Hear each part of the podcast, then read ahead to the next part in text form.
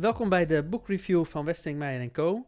En vandaag gaan we het hebben over No Rules Rules voor de derde keer. Tenminste, de eerste keer hebben wij samen gedaan, de tweede keer heb je met Bas gedaan. Yes. En de derde keer eh, doen we het weer met z'n tweeën. Ja. Eh, het boek, eh, we, hebben ervoor gekozen om gewoon in drie gesprekken ehm, elk een deel van het boek te bespreken. Want het boek bestaat ook ja, uit- uiteindelijk uit vier delen, maar de vierde gaat over de internationalisering. Ja. Hebben we even links gelaten. Dus in principe is dit het laatste deel. Ja, ja dat Ja. klopt inderdaad. Of tenzij we nog besluiten om achteraf nog eens een keer een slotsom te doen. Maar Ja. ik weet Ja, het nog niet zeker. Misschien vallen we dan een beetje in een herhaling. Als het publiek We Want More gaat roepen, dan, dan gaan we toch echt een vierde doen. Dus eh, jongens, ehm, eh, dit is dus de derde, hè, deel 3 van de boekbes- boekbespreking. Mocht je de eerste of de tweede gemist hebben, ik plaats hier boven een linkje. Kun je erop klikken, kun je de tweede kijken. En anders zet ik hieronder nog een linkje naar de eerste neer, kun je die ook meteen eh, bekijken.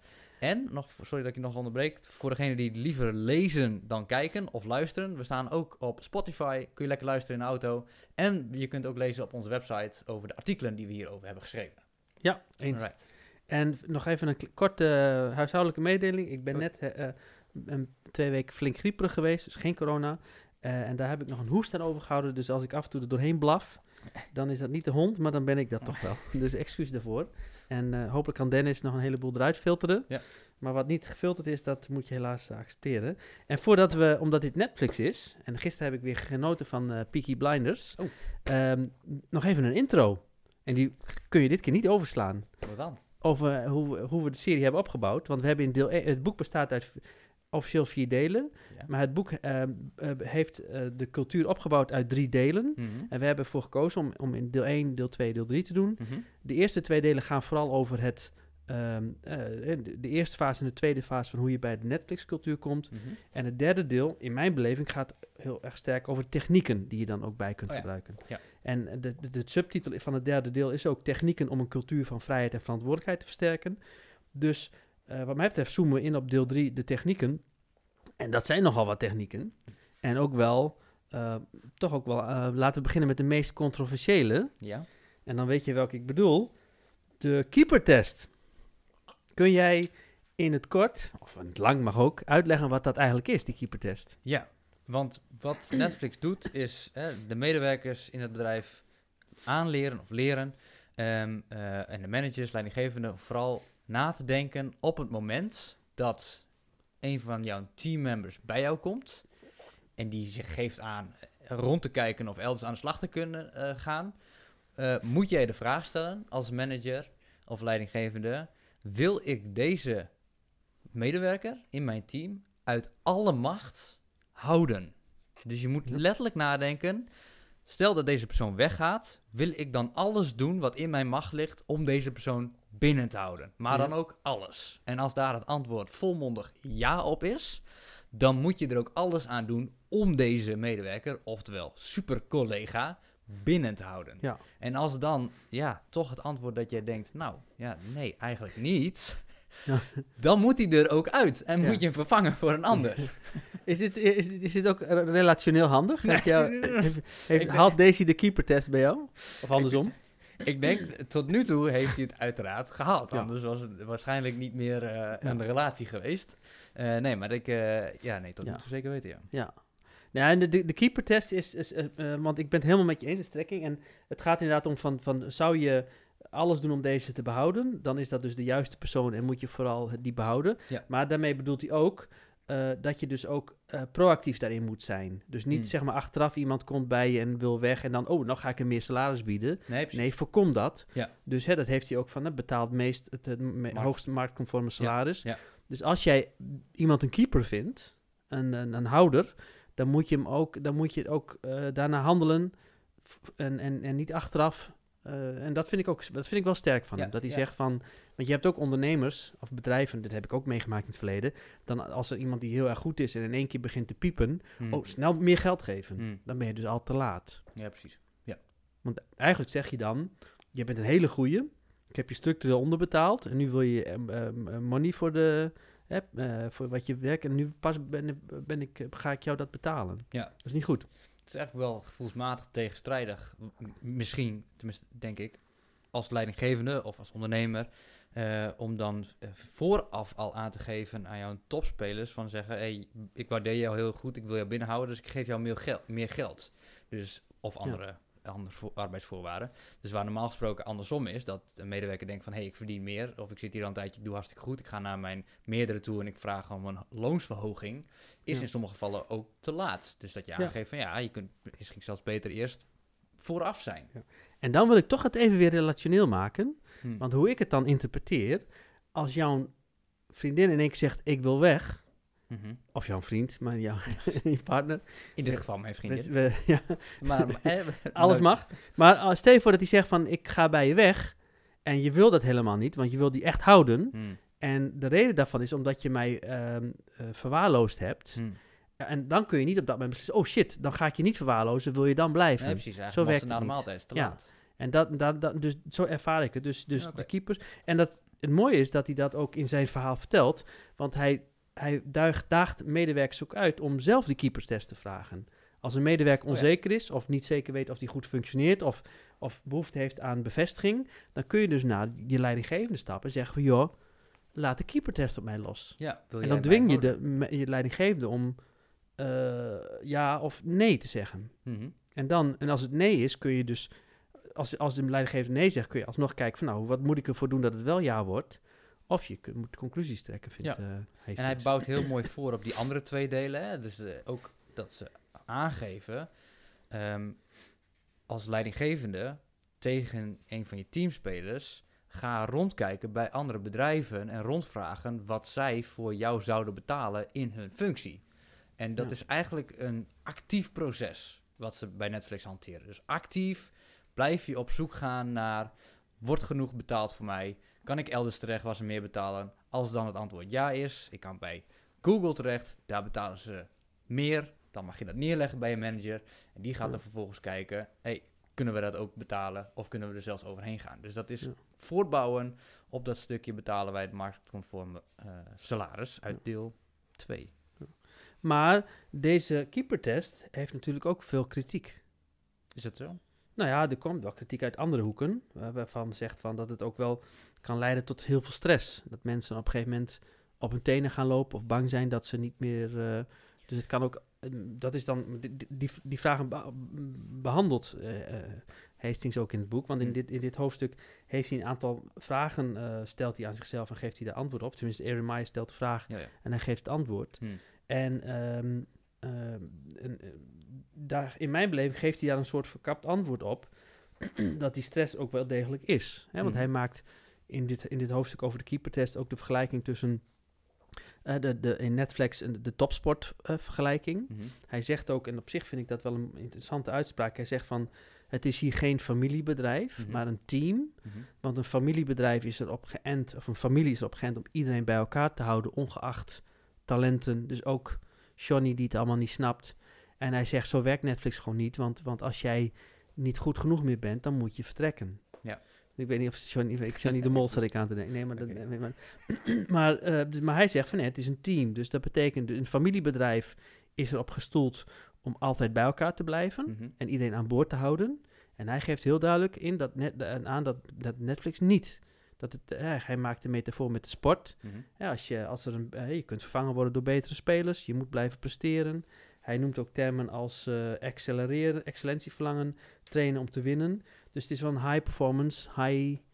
eh, ja, en, ehm, en hij zegt ook dat dat onderdeel is van Netflix. Dat je toch wel ja, high- ja, topsport moet willen bedrijven. Ja, dus ja, Inclusief de stress die erbij hoort. of je onder stress staat of niet. Ja, het antwoord is wel redelijk duidelijk. Ja, je staat bij Netflix onder stress, maar is stress per definitie slecht? Nee, want als je in een topsport eh, sport zit, dan sta je ook onder stress. Maar Ja. is dat per se negatief? Nee, want ook onder die stress eh, functioneren mensen best wel goed. Want ze zijn ook gestrest, want ze willen winnen. Er ligt prestatiedruk over. Maar het Ja. moet niet doorslaan. Want, en je moet niet non-stop onder stress staan, want dat is natuurlijk slecht voor je. Letterlijk fysiek slecht voor Ja. je. Dus dan is het niet goed. Dus ja, ik denk de- dat de, de gezonde stress, de mate van stress die, eh, waar de medewerkers eh, onder staan, ik denk dat dat wel positief is. Maar daarnaast moet je er ook tegen kunnen als mens zijn. Als je niet tegen stress kan, moet je niet in een hoge competitieve wereld gaan werken. En sporten. En, en, en, en die sportmetafoor die hij pakt, topsportmetafoor, want je weet, ik ben dol op sport en, Mm. en, en ik ga in vo- voetbal en alles. Maar je weet ook dat op een gegeven moment in topsport, dat je op een gegeven moment vervangen gaat worden. Hè? Michael Jordan speelt niet meer voor de Bulls. En Nee. Messi zal op een gegeven moment op zijn 45ste ook niet meer bij Paris Saint-Germain of, uh, of een topclub spelen. En Nee. misschien hij nog net wel. Maar ehm, het, de, de, de enge de, van de topsportvergelijking is, is dat je dus op een gegeven moment vervangen wordt of vervangbaar bent of weggegooid wordt. Ja. Hoe, hoe zie jij, kijk jij daarnaar? Nou, dat is bij Netflix natuurlijk ook wel zo. Ik bedoel, in, andere, in elke, elk topsegment ben je uiteindelijk vervangbaar. Want er is altijd iemand die beter is, of sneller is, fysiek sterker is, of slimmer is. En als je kijkt naar de topsport, is het voornamelijk, eh, heeft het met fysiek te maken. Dus hoe ouder je wordt, hoe meer versleten je lichaam is. Kijk maar naar Robin, die, die topspeler, maar op een gegeven moment ouder, lichaam zit niet mee, dus je verzwakt. En op een gegeven moment ga je eruit. Je kon zelfs bij FC Groningen niet meer aan. Nee. Dus en dat, heeft, dat is het nadeel in de sport. Je hebt je piekmoment om te shinen en dan ga je eruit. Maar ik denk dat die piekmomenten in een omgeving zoals bij Netflix, wat veel meer gericht is op competentie, dus creativiteit, intelligentie, sociale vaardigheden, dat declined minder snel dan je fysieke gesteldheid. Dat je kunt langer op een topniveau blijven functioneren. Uiteindelijk ga je er ook wel uit, want je brein wordt minder. Je Ja. hebt altijd die jongere generatie, die, waarbij de, het intellect nog veel hoger en sneller draait. En hoe ouder je wordt, hoe min- meer, m- minder het wordt, als het ware. Dus Ja. daar zit ook wel een limiet aan. Maar ik denk wel dat je langer in dat topniveau kan blijven zitten. Dus als 65-jarige zou je nog best mee kunnen draaien in die super innovatief, dus op innovatie gerichte organisatie, wat Netflix is. Super creatief kunnen zijn. Ja, dat zou je nog best kunnen doen. Want het gaat daar ook voornamelijk om ideeën en de uitvoering van de ideeën. Ja. Nou ja, goed, op, op zich kan het, maar het creëert wel een, een hele interessante eh, aspect in de arbeidsmarkt. Want het houdt in dat je dus, hè, we zijn gewend om. Eh, we- vroeger, eh, eh, toen ik heel, heel jong was, was het idee van nog dat je bij een bedrijf begon en daar eindigde. En je Hmm. ging bij de ABN AMRO, of dat Ja. heette toen AMRO of de ABN, werken. En het idee was dat je daar je fut of je pensioen haalde. Hmm. We zijn nu al wel afgestapt. Hè. We, de- die, eh, hè, we- vroeger was een gebroken cv was slecht voor je, voor, of een gebroken was slecht voor je cv. En nu is het gewoon, laat het zien dat je ondernemend bent. Maar het idee is wel dat in de huidige cultuur dat de medewerker bepaalt wanneer die weggaat. Daarmee bedoel ik niet dat, dat helemaal, maar in de zin Hm. van als ik iemand aanneem en de medewerker wil hier blijven, dan blijft hij in principe en, en doet hij gewoon zijn best en dan blijf je. Ja. En Netflix komt met een cultuur waarin medewerkers eindig zijn. Het houdt wel Hmm. in dat er dan weer een ander bedrijf moet zijn die dan die persoon wil hebben of kan hebben. Je krijgt wel een, wel een apart... Je, Is, dat, is dat niet iets wat we eigenlijk als, als, als ondernemer of bedrijfsleider of manager eigenlijk zouden moeten gaan aanjuichen, dus aanmoedigen? Als je dus kijkt naar je medewerkersbestand, dat je dus eigenlijk kijkt naar, hey, wat is nou het beste voor jou als individu? Ik zie dat jij aan je glazen plafond zit. Je bent heel erg waardevol voor ons, je levert heel veel op. Ja. Voor jouw persoonlijke ontwikkeling en voor jouw professionele ontwikkeling is het zelfs misschien beter dat je elders gaat kijken. ja. Dus dat je hier, zeg maar, heb je bereikt wat je kunt bereiken. Wat ga je nu doen? Dus dat je iemand dan eigenlijk motiveert en ondersteunt om naar een andere positie of een ander bedrijf te gaan en daar te kunnen groeien. Is dat niet misschien een. Ik, is gewoon een Nee, idee wat ik ineens ik, krijg. Hè? Ik, heb, ik ben neutraal, maar, maar ik, ik, ik, ik, denk dat een van de bij, bijwerkingen van zo'n keeperstest is dat iemand die op een gegeven moment, hè, je begint op 25-jarige leeftijd bij Netflix te werken, je werkt daar 15 jaar en na 15 jaar is de keeperstest uitgewerkt Hmm, en krijg je door dat er iemand beter is dan jij en moet je weg. hmm, En eigenlijk krijg je een soort situatie van, joh, je speelt bij Ajax in de eredivisie en op een gegeven moment zegt Ajax van, jeetje, we hebben nu, we, we hebben nu iemand anders voor jouw positie die Mhm. beter is ga maar een niveautje lager of anders spelen. Dus dan kun je of naar Manchester United, misschien zelfs dat zijwaarts. Maar het kan ook zijn dat je zegt van ga maar, dat, dat ze eigenlijk zeggen, ja, je moet eigenlijk in de eerste divisie gaan spelen. Dus je creëert wel hiërarchie in ondernemingen. Hè, je cre- creëert eredivisie. Dat vind ik een bijwerking. En ik weet niet of ik dat leuk vind. Nou ja, als je dan kijkt bijvoorbeeld naar ehm eh, Patty McCord, waar hij ongelooflijk lovend over is. Goed voorbeeld. Die is wel op een gegeven moment weggegaan, maar die is niet per se naar een mindere gegaan. Ja, dat is Maar dat, de- omdat het bedrijf is vrij dynamisch, het is Ja. niet statisch. om, het, om, het, om het even toe te lichten, Patty McCord is dat zijn HR Oh ja. eh, rechterhand. Die vanaf het eerste bedrijf altijd bij hem is geweest. Ook Mhm. met Netflix is gestart.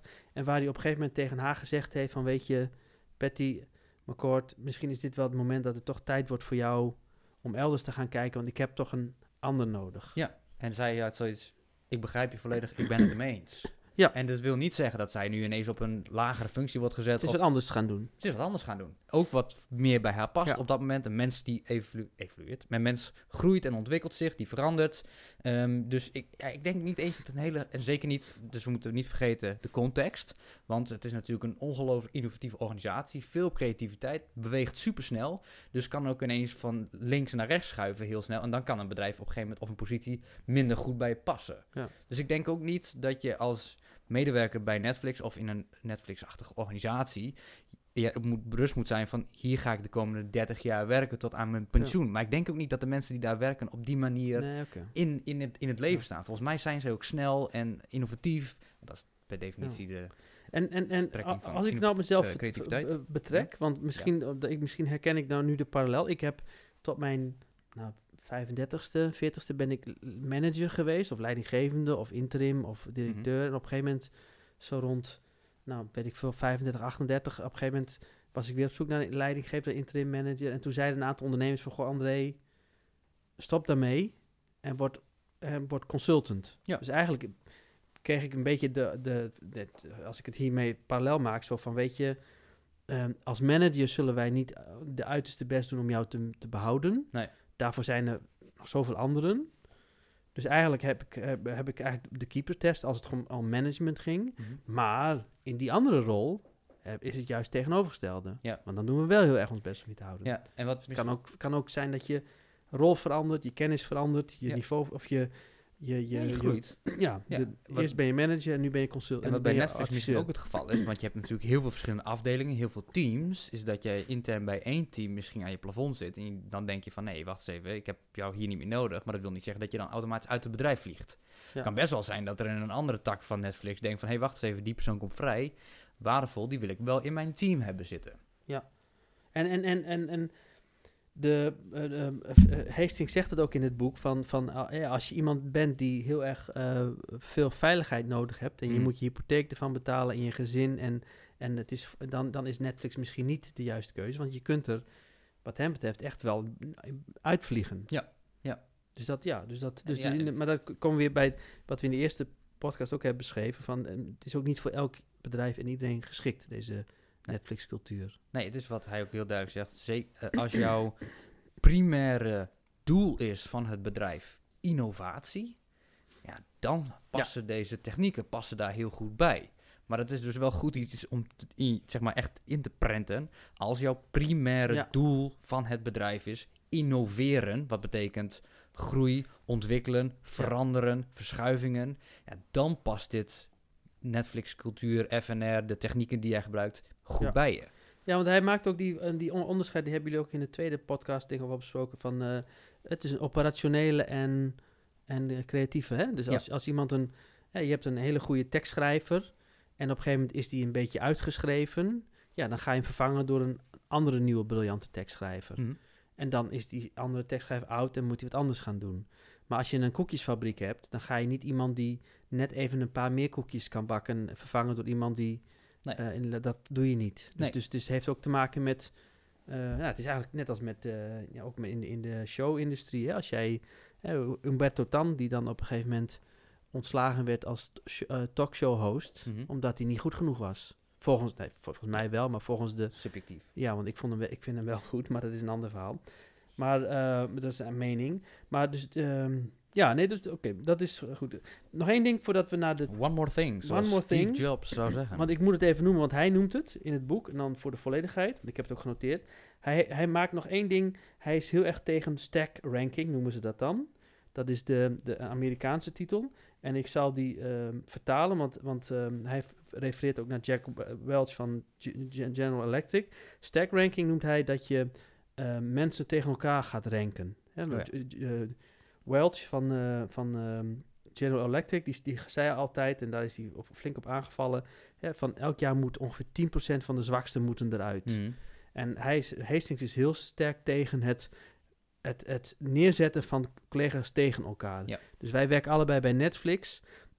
hij is helemaal niet geïnteresseerd of jij beter, of ik beter, of, je, of uh, jij wil gewoon weten, doe jij je werk goed? Mhm. Dat vind ik ook sterk van hem. Ja, ja dat dus dat hij niet aan ra- een stack ranken, dat hij niet doet Ja, hij van de, de zwakste, hè, van we gaan allemaal beoordelen en, en uiteindelijk, eh, dus hij wil niet vergelijken met elkaar, want hij vindt dat... Nee, geen interne Bizar- ja. onderlinge vergelijking. Want Ben dan ik het je, helemaal met hem eens trouwens. dan ga je competitie krijgen. En hij haalde ook het voorbeeld aan bij Google. Wat ze daar toen ook eh, meemaakten. Is dat ze inderdaad letterlijk collega's onder elkaar gingen elkaar juist saboteren. Zodat ze hoger terechtkomen. Dus eigenlijk is je focust op innovatie of ontwikkelen van het bedrijf. Is nee, wacht eens even, ik moet mijn collega verslaan. Ja. Bizar Dat eigenlijk. vindt hij, ja, en daar ben ik mee eens. Ja. Even heel- om het voorbeeld te versimpelen. eh, als, ik, als ik Jack Welch moet volgen en Stack Ranking, Microsoft heeft geloof ik, wordt ook ingenoemd dat die dat doen. Je hebt tien salesmensen en eigenlijk de, de, de zwakste weet, ik ga eruit aan het eind van het jaar. Hm. Dan heb je Stack Ranking en dan, en dan die vervang je door nog betere. Dat is hij tegen. Je hebt gewoon tien mensen die moet, en je moet gewoon individueel kijken. Voor iedereen de keeper test. Mhm. Zou ik hem behouden, al alles, en meer heb je niet nodig. Dus je gaat niet de zwakste. Je moet niet een onderlinge competitie doen. En daar ben ik helemaal met hem eens. Ja. Je moet gewoon kijken, individueel, doe je je werk goed of niet. En niet, niet met dat soort systemen werken. Nee. En dat, dat, voor, voor Nederlanders klinkt het een beetje ver van ons bedshow. Maar in Amerika is dit veel st- sterker. In Amerika is, is dit heel sterk een cultuur geweest. Bij Nederlanders zijn... Ja, er is, je merkt ook wel bij het lezen van boeken dat, dat er toch wel een, een ja, arbeidsrechtelijk, arbeidscultuurverschillen zijn Ja. tussen de VS en, en Europa en Japan. En dat is logisch. Ja. Dus, eh, maar dat wou ik nog even noemen. Verder, ja, de keepertest. Ja, ehm, ehm, even resumerend. Zou ik hem toepassen? Ehm, ja, tenminste, dat is mijn mening. Ik zou hem wel toepassen, alleen ik zou een iets andere conclusie trekken dan Hastings. Dus ik zou bijvoorbeeld wel zeggen van, zou, zou ik mijn uiterste best doen om iemand te houden? Als het antwoord nee is, dan zou ik eerst zeggen van, oké, misschien moeten we dan toch die persoon een kans geven om, ik zou meer, meer, meer investeren. Oké. Maar daar geeft hij ook weer een opmerking over, die ik wel moet noemen, dat hij tegen is van het Ja. verbeteren. Hè? Als die, Ja. al- eh, hij zegt van als iemand, hij zegt hij letterlijk, wanneer je realiseert dat je iemand moet ontslaan, zet hem dan niet in een, een of ander verbetertraject. Nee. En dat, ja, dat zijn we in Nederlands wel gewend. Als iemand niet goed Ja. functioneert, vast contract, moet hij even en dan dit en, en, en hij is wat harder. Ja, maar ja, ook logisch, want hij is vooral op snelheid gericht in zijn bedrijf. En dat vertraagt de boel natuurlijk enorm. Ja. Ja, keepertest. Ik denk dat ik, ik- ja, interessant. Ik denk zeker interessant als je op die manier gaat nadenken. Dus dat, dat je een bedrijf hebt met 50 medewerkers. En daar op die manier gaat na, hey, wacht eens even, wie wil ik uiteindelijk mag bij blijven behouden? Oh, misschien moet ik daar vooraan zijn en kijken of ik ze wat meer geld moet gaan bieden. Ja. Kan al heel interessant zijn. Kan al heel veel opleveren in je bedrijf. Maar misschien realiseer je ook van, ja, wacht even, sommige die ben ik liever kwijt dan rijk. Oké, wat ga je daar dan vervolgens mee doen? Ja. Nou laten we naar de, de, de tweede techniek gaan.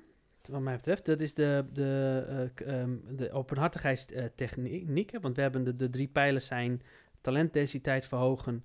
Of of bouw talentdensiteit op. Nou, dat, dat, dat, dat ha- handhaaf je door de, de, de keeperstest. De tweede is creëren een, eh, een, een, een organisatie van openhartigheid. Mhm.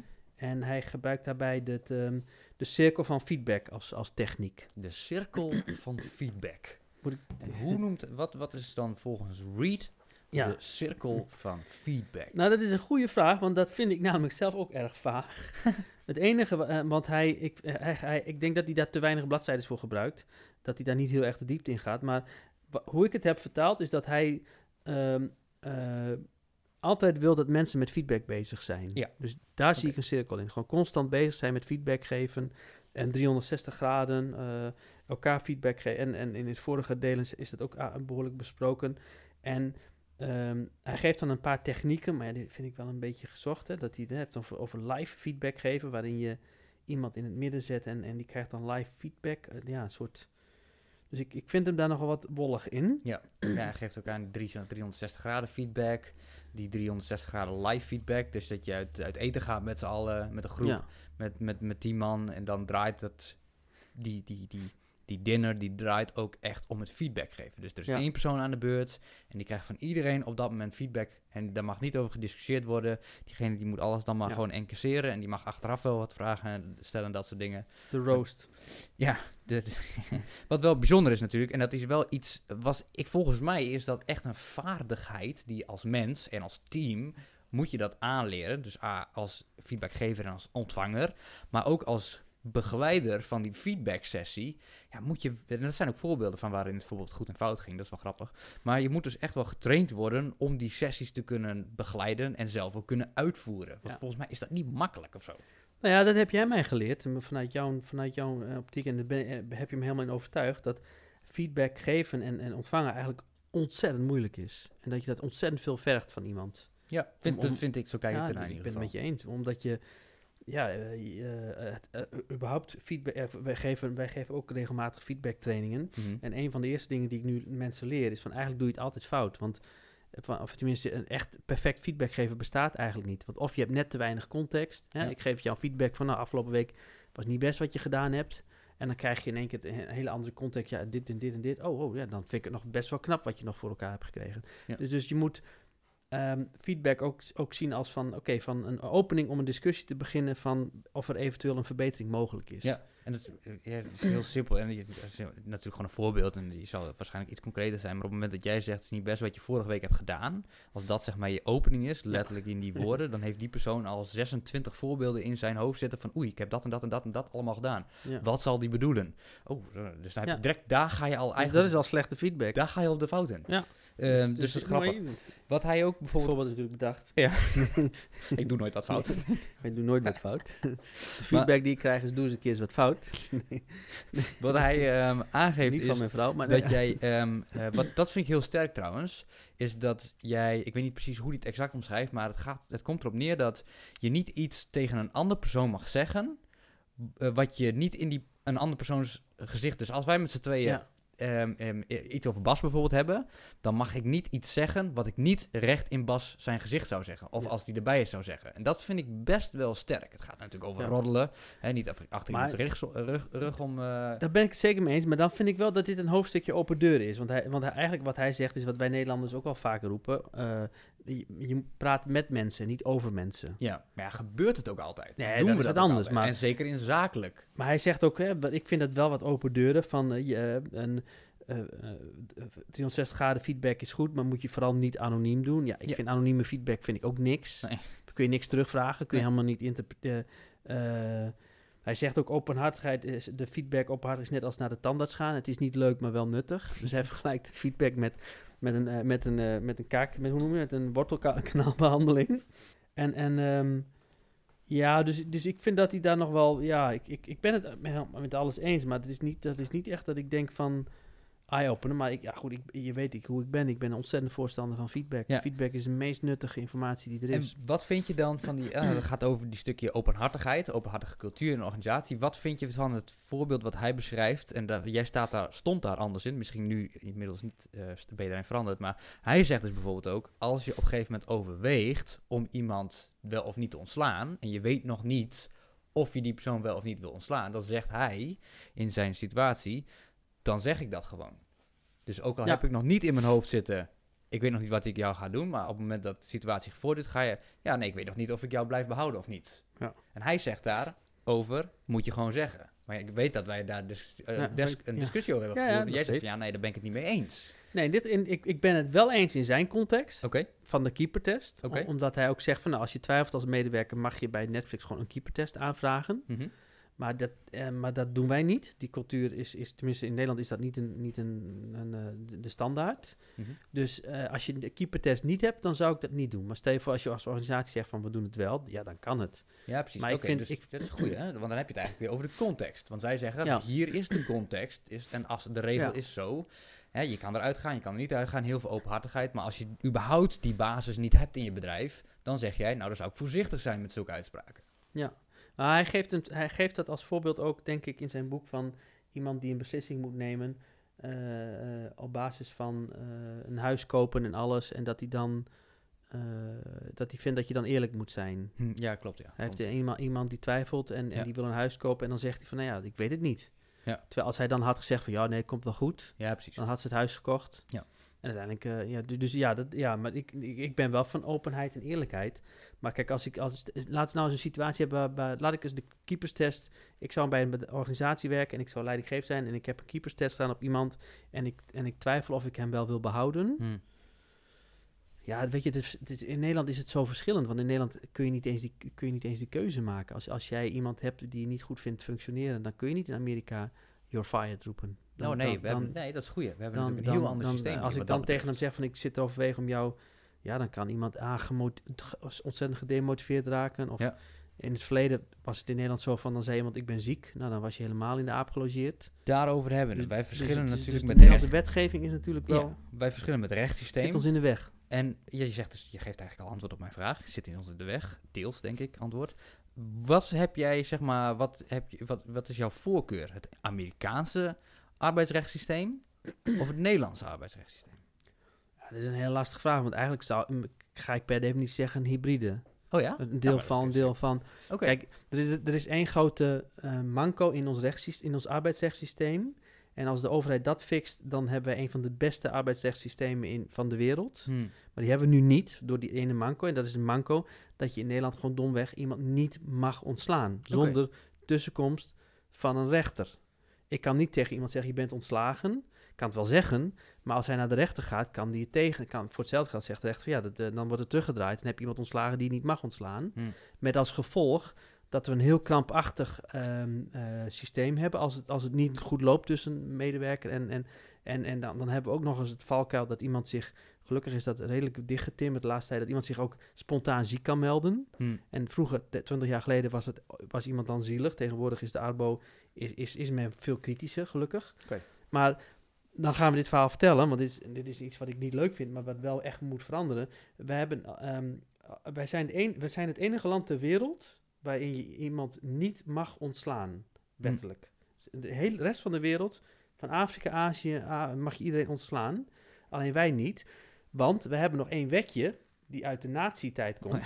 Uit, nee, dan komt hij weer. Maar de, de nazi's, hè, de Duitsers hebben in de jaren 40 een wet bedacht in Nederland. Dat je een bedrijf mocht niet iemand ontslaan zonder tussenkomst van een kantonrechter of een rechter. Hm. En de reden was heel simpel, want dan konden de Duitsers precies zien wie ontslagen werd. En die konden ze zo op de trein naar de arbeidseinsatz inzetten. Die konden ze zo naar de fabrieken in Duitsland sturen. Want ja, die Hm. waren ontslagen. Dus die waren, dat was de mooiste manier om werklozen te ontdekken. Ja. En eh, die wet eh, was ook in, in, in Denemarken, was ook in Frankrijk, was in alle bezette gebieden ingevoerd. Hm. Al die landen hebben direct het afgeschaft na de Tweede Wereldoorlog. Wij hebben hem nog steeds.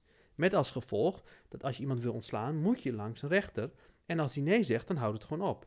In, in de hele wereld kun je dus iemand direct ontslaan. Dus één nuance die mensen vergeten.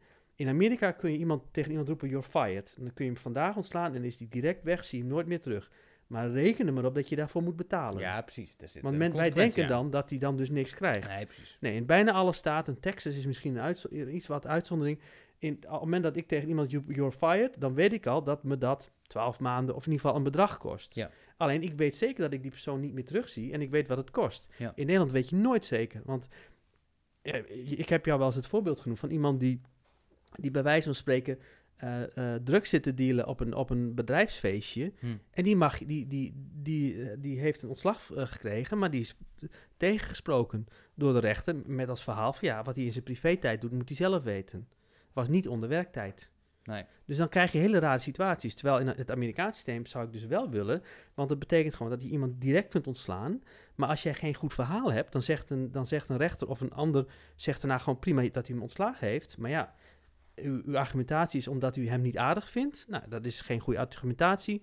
12 maanden, dan krijg je een jaarsalaris mee. Hm. In, al, in die tijd kun je gewoon weer een nieuwe baan vinden. En wat denk jij dat de reden is dat wij nog steeds aan die wet blijven vasthouden? Omdat wij, wij het niet weten. Omdat dit verhaal wat ik nu vertel, zullen heel veel mensen denken van, oh, dat wist ik niet. Nee.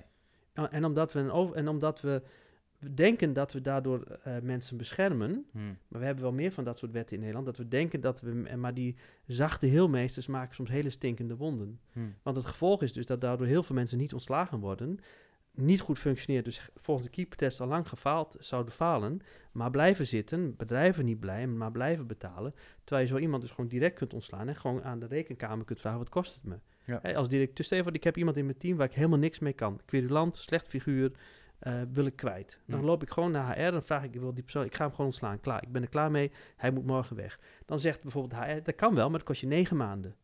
Nou, prima, betalen we dat, punt. En of je zegt van, nou, dat is wel heel veel. Dat kan ook, dan Hm. doe je het niet. Hm. Maar je hebt die keuze in Amerika, in Nederland niet. Want als, vervolgens, als ik hem direct ontsla en hij zegt vervolgens gaat naar de rechter en die, en die weigert dat, nou, dan, heb ik hem de dag later weer terug. En wat moet er gebeuren, zeg maar, om eh, voor Nederland eh, om van die wet af te komen? Heel simpel, wat Denemarken, Frankrijk en andere landen ook gedaan hebben, die wet afschaffen. Gewoon afschaffen. Gewoon afschaffen. Gewoon dat je gewoon niet meer, dat een ontslag gewoon altijd mag. Hm. En niet via de kantonrechter. Alleen dat bij elk ontslag een gepaste schadevergoeding geldt. En niet die flauwekul met transitievergoedingen die ze nu bedacht hebben. Maar gewoon laat de rechters dat maar bepalen. Net als in andere landen. Als, als, eh, als, is- eh, het verhaal van Steve Jobs, wat niet waar is, dat hij in de lift stapt en iemand keek hem verkeerd aan en hij ontsloeg hem. Dat was een soort fairy tale. En net als die hond in de magnetron is ontploft. Van die verhalen die uiteindelijk niet waar blijkt zijn. Als die dat echt zou doen, dan zou een Nederlandse rechter zeggen van nou, dat, eh, daar moet je flink voor bloeden als bedrijf. Ja, precies. Want je hebt iemand beledigd, je hebt iemand, eh, nou, dan, dan, dan, dan komt dat goed. Hm. Dus je moet, soms moet je niet minder pamperen. Dus ondernemend Nederlands. Mocht je dit nou een interessant verhaal vinden en je denkt, hey, Sorry, ben Daar ik zie off ik- topic? nee, dat gaat hartstikke goed. Daar, vind, daar zie ik wel wat in. Laat het vooral weten. Prijs deze podcast de lucht in. Laat hem bij het kabinet uitkomen. en wie, wie weet kunnen we wat bereiken met z'n allen. Ik ben voor groot voorstander van een petitie scha schaf de arbeidsnatiewet af. Wie weet wat voor bewegingen Ja. we zijn gestart hier. Maar laten we teruggaan Ja. naar het onderwerp. We gaan naar eh, eh, zeg maar het, derde techniek. Ja. De techniek van geef leiding door context, niet door controle. Hm. Waarin die heel duidelijk, ja, daar komt het, het, het begrip context echt naar voren uit het boek. Waar ik zelf zo heel erg voorstander van ben. Ja, jij bent een big believer van context. Ja, ik vind ja, dat is een van de dingen uit dit boek. Wat ik ja, voor de rest van mijn leven meeneem, dat woord context. Hm. Omdat het zo'n. Ja, dat is wat hij mij het meest heeft meegegeven. Omdat, je, uh, omdat hij handen en voeten heeft gegeven aan iets waar ik altijd al mee zit. Gewoon context creëren. Als Hm. mensen dingen begrijpen, het snappen, maken ze goede keuzes. Hm. Heel veel keuzes worden gemaakt omdat mensen. Heel veel slechte keuzes worden gemaakt omdat ze, mensen te weinig weten of de verkeerde dingen weten. En dan ga ik niet de coronadiscussie aan. Want daar zit ook een hele hoop context omheen. Maar wat ik wel wil zeggen, dat ik heb, ben zelf ook een paar jaar in loondienst geweest. Dan klaagden mensen van ja, de directie weet helemaal niet wat ze doen. Hebben geen idee waar ze mee bezig zijn. En dat is gewoon niet waar. Alleen Nee. zij, ze hebben de context niet. Nee. En Hastings zegt, om dat soort onrust te voorkomen en om, om, hè, om, een, om een cultuur van openhartigheid te creëren, moet je vooral heel veel context delen. Ja. Gewoon heel veel. En daar, dat vind ik wel heel sterk. Ja, en wat komt hier vooral naar voren? Heb je daar voorbeelden van? Want wat, wat hè, vorige deel hebben we het ook over die context gehad. Dat zij zo ver gingen als het delen van de kwartaalcijfers. Ja. Intern in het bedrijf, hè, voordat het op de beurs kwam. Dus dat was al een hele grote stop, of een stap naar Ja. meer context geven en meer openhartigheid. Nou, dit, eh, dit, dit pr- principe van context heb ik eigenlijk al tien jaar geleden van Mark Vletter geleerd van Voice. oké. Want die, zei, die, die, die had dit al lang uh, bedacht of uitgevonden. Want die zei ook al, dat is echt een man die, die, die vindt dat Voice, en dat hoort ook bij een holocracy, want daar gaat, Voice heeft een holocracy, daar hoort context bij. Want als je geen context, als je geen leidinggevende hebt, eh, dus mensen moeten alles zelf beslissen, dan hebben mensen dus de volledige context nodig, anders maak je verkeerde keuzes. Ja. Dus bij hem was alles open, alles zichtbaar, alles eh, inzichtelijk. Eh, iedereen mocht alles weten, alles zien. En dat is nog van, vandaag, ze zijn nog veel groter geworden dan toen. Vandaag de dag nog steeds zo. Eh, de, de, de strategische meetings zijn, iedereen doet mee, iedereen heeft input, iedereen mag alles zien. Niks wordt eh, ehm, eh, verstopt. En de enige kritiek die je dan krijgt van ja, maar dan ziet de concurrentie het ook. Hm.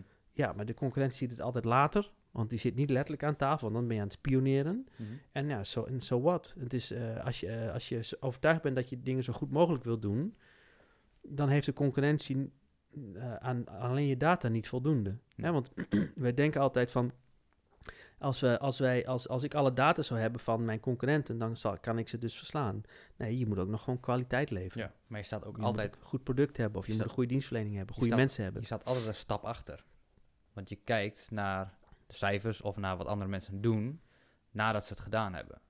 Dus op het moment dat er zo'n strategische meeting is of er is een document uitgelegd, uitgelekt, dat ene bedrijf waar jij altijd naar kijkt, is al bezig met die stap. Jij Ja. krijgt die informatie en dan hobbel je erachteraan. Dus als jij als aan een innovatief bedrijf altijd bezig bent met de beste nummer één zijn en innoveren en blijft groeien, en de concurrentie kijkt altijd naar wat jij doet, dan zul je altijd een stap voorop lopen. Ja, en, en, hoe, en hoe zwak kom je over als concurrentie als je je concurrent nadoet? Ja, en als je dus, ja, wat mensen dan zeggen van ja, maar dan doen ze ons na. Ja, nou fantastisch. Dus wij hebben betekent dus gelijk. Dus waarom ga je naar de concurrent? dat, ja, dat betekent dus dat je het goed doet. Ja, Was- de concurrent doet ons na. Nou, Ja. waarom zou je naar een wannabe of een copycat gaan? Ja. Ja, ik denk ook dat dat... eh, en, eh, en natuurlijk ben je concurrent op goede ideeën. Maar, maar ja, weet je, de, de, winst die je haalt uit als medewerkers alle context hebben... is dat ze gewoon de juiste keuzes maken. Mhm. dat ze een, ehm, een praktijkvoorbeeld... ehm, bij een bedrijf in het verleden die, die, wij, die moeite had met context geven. De eigenaar was bezig, uh, ondernemer was bezig om een nieuw pand aan te schaffen. En al helemaal met architect en alles rond. De medewerkers wisten dat gewoon niet. En er werden allerlei aankopen gedaan voor het pand. Hm. Ja, waar je een nieuwe keuken, weet ik, er werden allemaal dingen. En, en, en ja, dan, toen zei ik al, dat is dus als je geen context geeft. Ja. Zij weten niet dat de kans vrij groot is dat je over een jaar in een ander pand zit. Zij gaan allemaal investeren in het pand. Het is allemaal, het is allemaal 10, 20, 30, 40.000 euro wat, wat voor niks is uitgegeven. Ja. Omdat je geen context geeft. En wat ze volgens mij ook best wel goed omschrijven, is waarom zou je dat dus inderdaad doen? Net zoals het voorbeeld wat jij geeft. Wanneer iedereen in het bedrijf weet waar je mee bezig bent of wat je ideeën zijn, gaan zij zich ook oriënteren op die ideeën of die richting die jij hebt gekozen als bedrijf zijnde. Ja. Dus dan krijg je in één keer het hele bedrijf krijg jij mee in dezelfde visie. Ja, en, en, en in dit verhaal van die ondernemer die een nieuw pand wil en dat niet deelt aan die medewerkers, die gaat vervolgens medewerkers komen met voorstellen om de keuken te verbouwen, om dingen te verbeteren. Hij zet overal een streep door zonder eh, toelichting. Dus die medewerkers die hebben zoiets van, nou ja, Mag helemaal niks nou ja dan eh, laat maar, dan kom Ja. ik niet meer met initiatieven. Dus Ja. je maakt de, de afgestompt. En terwijl als je zegt van eh, tegen de medewerkers, we, zijn van plan dat, gaan ze meedenken. Ja, ja, precies. Sterker dus inderdaad nog, als je kijkt naar Nou. de psychologie, wat gebeurt er? Dus als jij een bepaald doel voor ogen hebt, want als je context geeft en we zijn op zoek naar een ander pand, dan krijgen die medewerkers, oh, dus we gaan verhuizen. Hé, hey, dan gaan ze ineens hele andere dingen zien in de wereld. Ja. Dus dan gaan ze zelfs misschien opties of eh, eh, eh, bekenden die, Ja. hebben, eh, die praten over het leegstaan van een bedrijfshal of via, via, via. Dan Ja. krijg je een gigantisch netwerk die met jou samen kijkt naar het behalen van dat nieuwe Ja. doel of die nieuwe strategie of dat nieuwe pand wat je aan het zoeken bent. Ja, en dan, en dan en, ja, dus ik- ja, ik denk dat dat gewoon veel beter is. En, en, en dan krijg je namelijk iets, iets waar Hastings totaal geen last van hebt. En dat noem ik het syndroom, of de angst voor de meedenkende medewerkers. Er zijn nog best veel organisaties en ondernemers die bang zijn dat medewerkers mee gaan denken of ook Oh visie gaan hebben. Oh ja? Want ja, en terwijl Hastings heeft zoiets heeft van, joh, hier heb je alle context. Als jij het beter weet dan ik, kom het vooral vertellen. Dus als, als jij 28 bent en jij ziet de strategische plannen en jij zegt tegen, eh, en dat is dus ook wel, dat heeft zijn zelfs voorbeelden van bij Netflix, van joh, dit moet je helemaal niet willen. Je Nee. moet helemaal niet naar Brazilië gaan of je moet wel naar Brazilië gaan. Ja. En dat Hastings denkt van, nou ja, eigenlijk een goed punt. En dan gewoon iedereen dat kan... heeft ook best wel veel weer met ego te maken. Ja. Dus als leidinggevende of als manager of als ondernemer, dat inderdaad je medewerkers eh, die jou gaan vertellen dat je het niet goed hebt of dat iemand anders een beter idee heeft. En dat je dan inderdaad moet realiseren, je hebt gelijk. Ja. Je hebt, je hebt helemaal gelijk. Jouw idee is veel beter. Dat Ja. vergt dan ook nog eens een keer wat van die leidinggevende.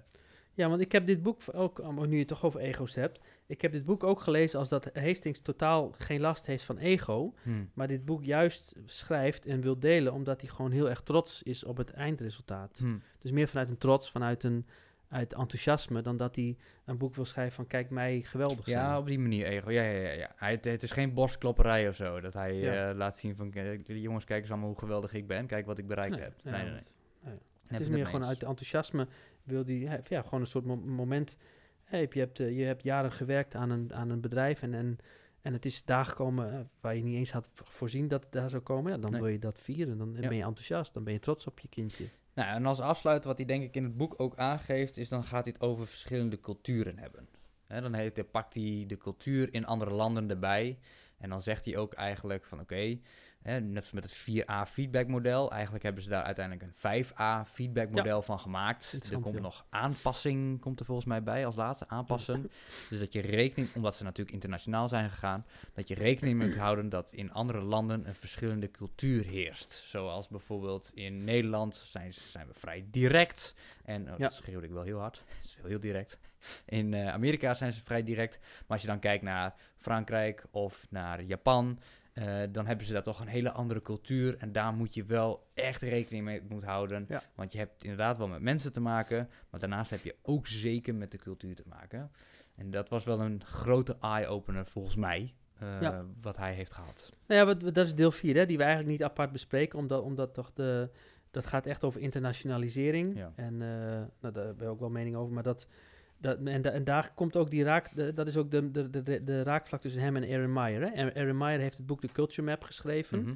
En dat boek, dat boek dat beschrijft dan hoe je culturen verschillen en hoe je dat het beste bij elkaar kunt brengen. Dus op het Hm. moment dat toen Netflix begon uit te waaien naar andere landen, en ik geloof dat ze nu al in nou, 109, 190 zo. landen, echt extreem veel landen 196 zitten. landen. Echt extreem. Eh, en, eh, ehm, en ja, dan kom je in aanraking met andere culturen. En toen is hij dus zich gaan verdiepen in de, onder andere het boek Culture Map van Erin Meyer, die daar, ja, daar ook wel hele mooie dingen over zegt. En, en heel kort nog even, want ze, kijken daar naar, naar, naar, zeven aspecten. Eh, Communiceren, evalueren, leiding geven, besluiten nemen, vertrouwen, van mening verschillen en plannen. En dan zie je echt dat, dat, van, dat, dat, dat het echt eh, cultuurverschillend is. Hè? Een land als Duitsland zal veel meer plannen dan een land als eh, Brazilië. Ja. Kijk, ik check even. Ja, ik heb het gelijk. Ik zit hier voor me. En een, en, en een Japanner is, eh, gaat heel anders eh, om met van, van, van meningsverschillen dan een, een Nederlander. Een Japanner zal nooit, zal niet snel, ben ik niet mee eens. Of, Nee. je, of je kletst, of het is onzin roepen. En een Nederlander helaas wel. Af en toe te vaak. Van ja, wat is dat voor onzin? Ja. Als je dat tegen een Japanner zegt, dan dat is, dat is wel iets, iets heftig. Dat, en als een Japanner tegen jou zegt dat is onzin, dan denk ik ook dat het echt onzin is. Dus dat is wel heel leuk. En dat, dat be- beschrijven ze heel mooi en dat, heeft, dat neemt hij ook heel erg mee in het net. En dan heb je inderdaad dat je dan, als je dan die, die drie pijlers naar andere culturen wil uitrollen, en zeker de feedback, dan moet je daar inderdaad een vijfde A van, van aanpassing. Je moet dan, je kunt niet dezelfde feedback systematiek loslaten op een. Japanse team als op een Nederlands team. Nee, precies. Dat was wel echt een realiteit die hij eh, onder ogen heeft moeten klopt. komen. Dat heeft hij echt ge- tegen een muur liep hij aan van, oh wacht, dit werkt dus niet echt overal. Je hebt te maken met nuanceverschil en je hebt te maken met andere cultuur. Ja. Dus vandaar ook die vijfde A erbij van aanpassen. Nou, ik heb zelf een jaar in Azië en een jaar in Afrika gewerkt. En ik heb dat ook daar letterlijk ondervonden. Dat Ja. dat gewoon, dat dat je Nederlandse stijl, eh, ja, soms echt wel even moet, moet, eh, moet aanpassen. Ja. En dat wil niet zeggen dat het dan niet werkt. Nee. Maar je hebt gewoon meer rekening, je moet meer nadenken. En, eh, en, en dat kan prima. Ja, dus dat, eh, ja. Nou, mooi. Volgens mij zijn we wel een klein beetje aan het einde gekomen eh, Ja. van de bespreking deel 3. En ook van het hele boek dan wat dat betreft. Mis- Ehm, Misschien een laatste wrap-up. Eh, in Ja. heel kort, wat heeft het boek met jou gedaan? Wat haal je eruit? Wat wil je meegeven? Nou, de rode draad eigenlijk, die al een tijdje... Die, die, dat, is, dat is de rode draad. Open deur, Mike. Maar die rode draad, die is dus ook een klein beetje... Voor mij in ieder geval... Is dit nou ongelooflijk innovatief, innovatief en revolutionair? En eh, vorige keer heb ik daar ook met Bas over gehad. Toen wist ik het nog niet helemaal zeker. Want we zijn Mhm. natuurlijk onderzoeken aan van... Hè, wat is nou die cultuur? En nog steeds vind ik het een ongelooflijk goede prestatie. Het is echt bizar hoe groot Netflix is geworden en hoe dan de cultuur is zoals die is. Zoals dat in het boek in ieder geval staat omschreven. Ehm, maar zoals je net ook al aangeeft, Mark Fletter was hij tien jaar al bezig met bepaalde aspecten vanuit het boek. Dat Ja. komt terug. Dus is dit volledig nieuw? Nee, dat denk ik niet. Ik denk dat hij heel veel dingen heeft samengebracht. ja, de. Dat is ook een vorm van innovatie en het is super creatief en het is innovatief. Is het next level? Ik weet het niet. Maar ik weet wel dat het bedrijf Netflix is natuurlijk wel next, next level, hoe groot het is geworden. Maar Ja. ik zie niet iets nieuws. Dat zie ik niet. Ik zie heel veel dingen bij elkaar gebracht en goed uitgevoerd. Dat zie ik wel. En als Ja. dat dan iets nieuws is, oké, zo so be it. Maar ik heb niet, zeg maar, eh, iets nieuws ontdekt. Als in veel bekende informatie, misschien uitgebreid, verdiept en samengevoegd. En dat is natuurlijk ongelooflijk knap. Dat, dat, Zo kijk ik ernaar in ieder geval. Ja. Ja, ik, ik, ik deel denk ik wel die mening. Ik, laat, ik zo, laat ik beginnen, want ik had natuurlijk ook even over nagedacht. Ehm, ik, eh, je moet het niet lezen als een kookboek. Zo van, van oké, ik wil ook een Netflix zijn. Oké. Of Ja, eh, dat zou ik niet aanraden. Want dan, Nee. dan, dan, ik weet het niet. Het is, maar hoe ik het wel lees als, als, nou ja, als common sense, gezond verstand, evolutie en, en, en weergave van hoe wij eigenlijk nu met, met, met, eh, ja, erin staan. En dan, dan, dan, dan moet je eigenlijk het boek lezen en, bepaal, en, en ja, een soort eh, eruit pikken van wat je goed vindt. Sommige dingen geldt voor iedereen, zoals openhartigheid en eh, feedback vind ik eigenlijk, eh, dat moet elke organisatie eigenlijk willen. Iedereen heeft daar wat aan, als Alleen- je dat implementeert. Alleen talentdensiteit hangt er vanaf of je... ja, ik, ik heb al in een eerdere podcast geloof ik gezegd... talentdensiteit houdt niet in dat je allemaal tienen moet hebben. Nee. Ik, heb, ik beschrijf zelf talentdensiteit dat het niveau van de mensen dicht bij elkaar moet liggen. Heb jij eh, een, een, een, een, wat minder ambitieus of een wat rustiger groepje... dan is dat prima, als ze maar allemaal dicht bij elkaar. Dus ik, ik, ik, zeg, ik heb liever... Nou, ik hou helemaal niet van getallen, maar liever een, een, sterk groepje van allemaal zevens... die Mhm. allemaal even goed zijn Mhm. dan twee negens, drie vieren, want dan krijg je heel veel chaos. Dus, Ja. dus ik leg het meer uit van talentdensiteit, van zoek ta- talent, eh, de, die, de talenten die bij elkaar horen. Ja, precies. En het is natuurlijk ook Dus wat- überhaupt meteen al een moeilijk vraagstuk. Eh, vraagstuk, wanneer definieer je iemand als een negende? Wat houdt Ja, het dan in een zeven? dat- Dus dat dat, is niet, sowieso al moeilijk. Nee. Dus eh, als je dan kijkt, alles, alles en iedereen kan een tien zijn, afhankelijk van welke definitie er aan- daar weer achteraan. Maar ik- geloof wel dat je team het best functioneert als iedereen eh, dezelfde talenten heeft. Of in ieder geval het op, niveau, op hetzelfde Ja, ja, ik niveau zit. Dat je dus geen achterblijvers hebt of, of, of mensen die heel erg uitsteken. Dus daar, daar geloof ik wel in. En ja, en, en, en, en dan, dan de no rules rules. Nou, daar geeft hij zelf eigenlijk ook al wel aan van als je, als je in een bepaalde organisaties werkt, dat gewoon niet. Alleen wat ik er wel uithaal, is dat je, zo leg ik het dan uit, zo min mogelijk regels Mhm. en heel bewust bezig zijn met de regels die je dan wel hebt. Ja. Daar moet je gewoon, eh, daar moet je gewoon eh, voorzichtig mee. Ja, Ja. Moet je. En Dus ik haal er wel heel veel uit. Ik vind het heel nuttig. Ik vind, ik vind het een must-read voor iedereen. Ja, eens. Alleen het is niet een how-to. Er is boek. één, één ding, dat moet ik wel een klein beetje toegeven, eh, nu ik erover nadenk, is dat, ehm, dat de, de, de keeper-test, dus dat, dat je als, als medewerker van een bedrijf dus ook letterlijk op gesprek gaat bij andere bedrijven en dat iedereen daarvan af weet als een sollicitatie en dat je gaat vissen naar, hey, wat zouden jullie voor mij betalen als ik voor het bedrijf ga werken?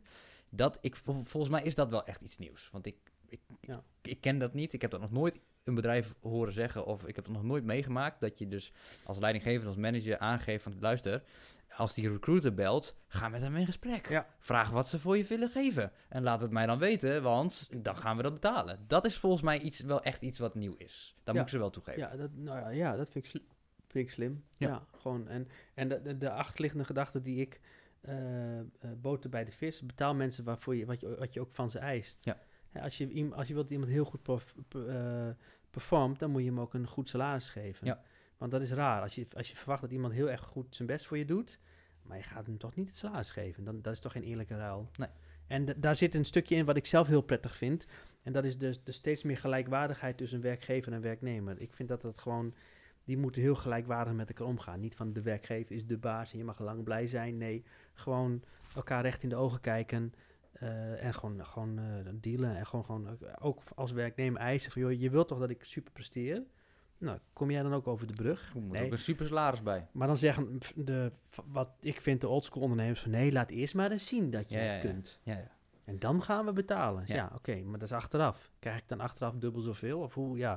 Dus ik denk van, ik, en, maar goed, dat is weer het systeem. Want in Nederland kun je, want, want, want wat Hastings zegt van, joh, bied iemand gewoon, als iemand zegt, ik ga top voor je presteren, bied hem direct een topsalaris. Blijkt binnen een paar maanden dat hij dat niet doet, wegwezen. Ja, dat is ja, de deal. Werkt, dat werkt hier niet. Dus dat is moeilijk. Ja, want, eh, ja, want dat, dat, eh, dus dat, ja, dus ik vind wel dat hij, ja, laat ik het zo zeggen, ik vind hem daar wel een visionair in. Ik Ja. vind dat hij het heel, heel helder ziet en schetst en Ja, En, eh, mee eens. Daar ben ik het mee eens. Ja, alleen dan even dan ga ik terug naar Netflix.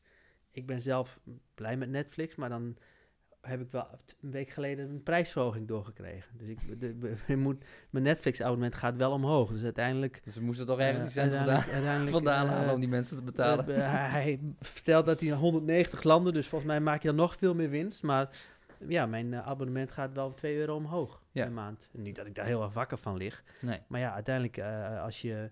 Het was 9,95 en nu is het straks 18,95. En je wil ook Prime Video en je wil ook Di- Disney voor de kinderen. Dus op een gegeven moment ben je straks meer dan 100 euro. Dan, dan is het hele idee weer weg. Want ja, dat betaal je ook voor Ziggo. Ja. En dan ben je straks 200 euro aan het betalen om. om dus dan is het.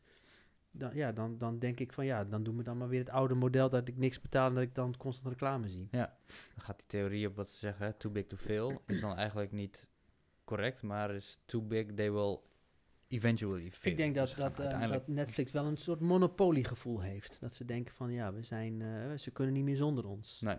Ja, de toekomst gaat het uitwijzen. Ja. En d- er is altijd iemand Ja, die achter je zit. HBO. Dus, altijd ja, iemand die achter je er komt er zit. elk jaar weer eentje bij. Hamilton zal altijd wel gedacht hebben, er gaat nooit iemand mij voorbij, maar Max is toch wel in de buurt aan het komen, jongens. Ja, maar Max heeft gisteren niet goed gedaan. Hij heeft niet goed gedaan, nee. De de Ik denk, memes eh, komen al voorbij op, eh, op internet. Als ik, maar, als ik, ik, maar ik had al voorspeld dat eh, Max het niet zou redden, maar ik denk ook niet dat hij het redt. zag ik het- vind het wel heel knap wat hij heeft Ik gepresteerd. zag zijn nieuwe auto, zag ik al. Je zo'n groot bord erachterop met zo'n blauwe pijl links inhalen.